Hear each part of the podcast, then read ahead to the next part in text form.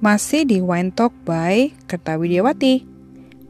Masih bicara tentang wine. Mudah-mudahan masih tertarik ya. Episode ini saya mau bicara mengenai sweet wine. Nah, kalau ngomongin sweet wine, ini lumayan menarik ya teman-teman. Uh, faktanya, ya, yang namanya sweet wine adalah jenis wine yang uh, berdasarkan flavor komponennya yang pertama kali berkembang di seluruh dunia loh uh, dulu juga di Prancis mulainya dari yang manis gitu ya sampai akhirnya bertahap orang mulai suka wine yang nggak manis. Kalau di negara Asia ini berdasarkan pengalaman ya di beberapa exhibition, wine judging, uh, wine trip di Asia, um, lidahnya Asia uh, lebih uh, nyaman untuk minum wine dengan uh, ada flavor manisnya. Jadi kita nggak sendirian. Nah orang Indonesia juga uh, apa namanya mm, biasanya lebih cenderung suka wine yang uh, rasanya lebih manis dibandingkan dengan uh, di negara-negara Eropa misalnya gitu. Walaupun apa yang terjadi ketika kita belajar minum wine uh, pertama-tama minumnya pasti sukanya yang light body, uh, yang masih ada manisnya, yang little bit sweet. Nanti lama-lama ketika lidah kita, palit kita sudah mulai terbiasa, biasanya kita sweet over nih, udah mulai bisa adjust flavor komponennya ke yang full body, wine yang dry gitu ya. Arahnya bisa ke sana. Jadi kita nggak sendirian, nggak apa-apa. Kalau mau mulai dari yang manis dulu, boleh juga. Nah, sekarang saya mau bicara tentang sweet wine. Nah, di proses di episode sebelumnya saya ngomongin alcoholic fermentation. Di menjadi sangat penting untuk mengerti uh, proses fermentasi di proses pembuatan wine. Karena balik lagi, di untuk membuat wine kita perlu alcoholic fermentation. Untuk bisa ada alcoholic fermentation, kita harus punya gula. Gulanya datang dari mana?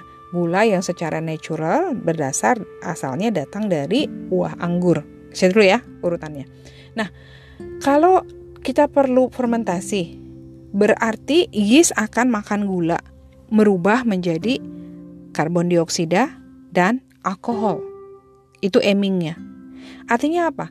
Kalau proses fermentasinya selesai, sampai selesai, sampai selesai, artinya apa? Semua sugar komponen yang ada di dalam proses pembuatan wine tadi habis. Kalau habis wine-nya jadi dry.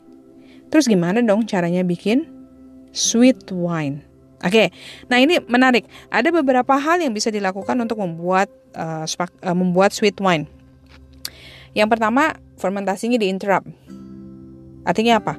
Lagi fermentasi, jus anggur di dalam tangki, kita lagi lakukan fermentasi. Kita masukin yeast.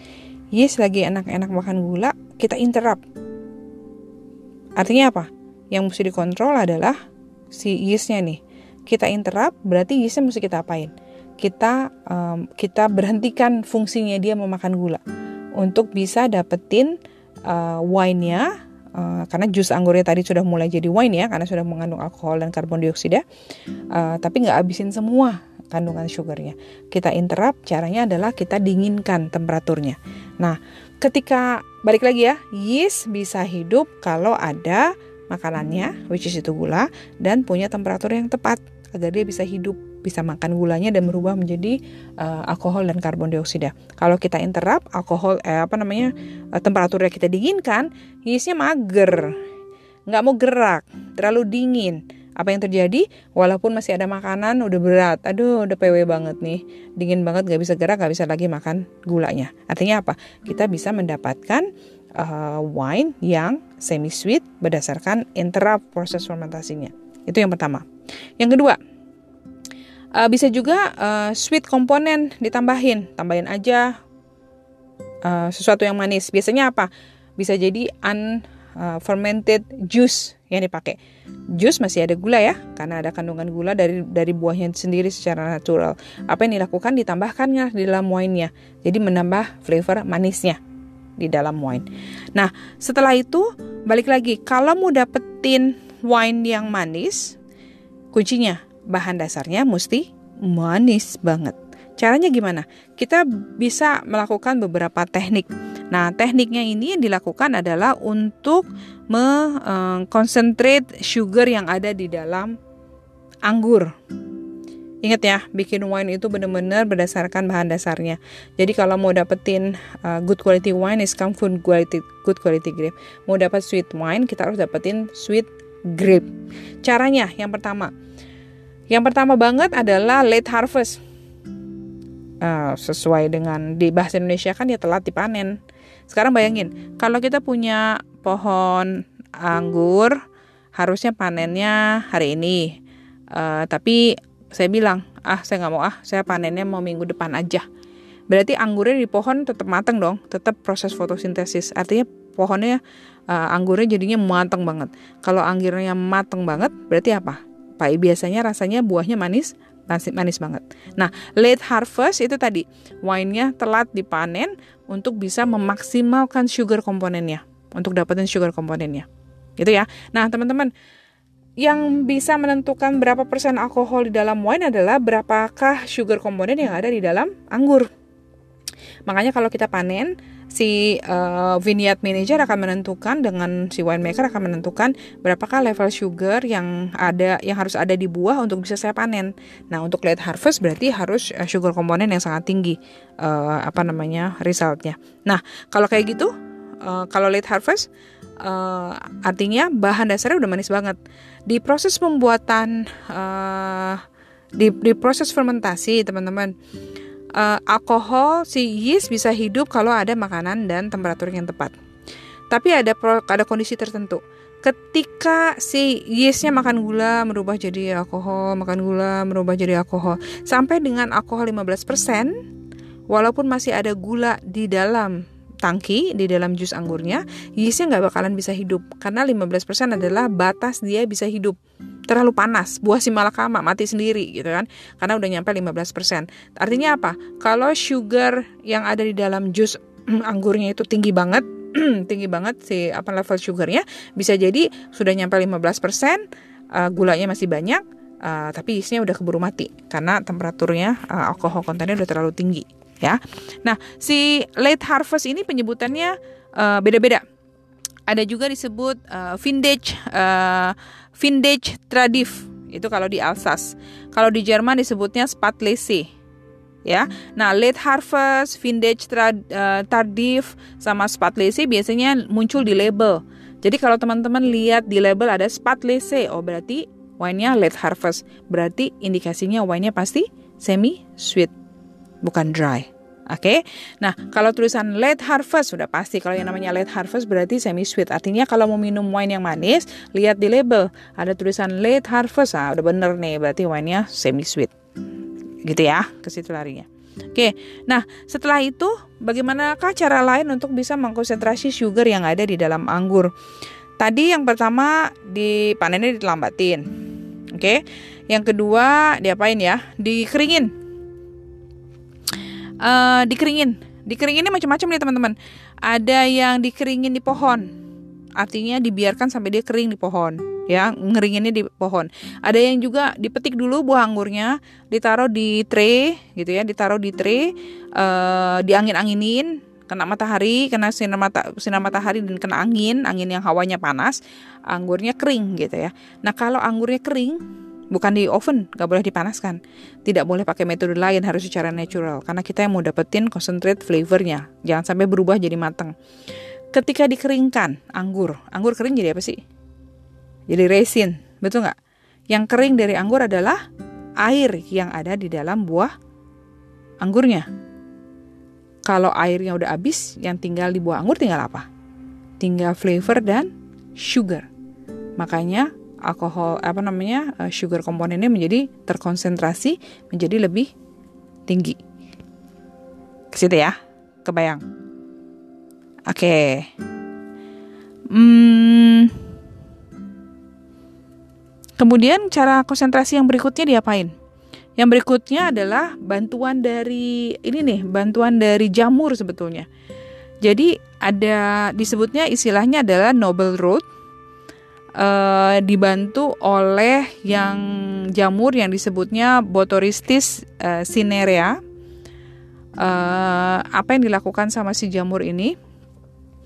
Yang dilakukan adalah uh, dia akan menginfeksi si buah anggur.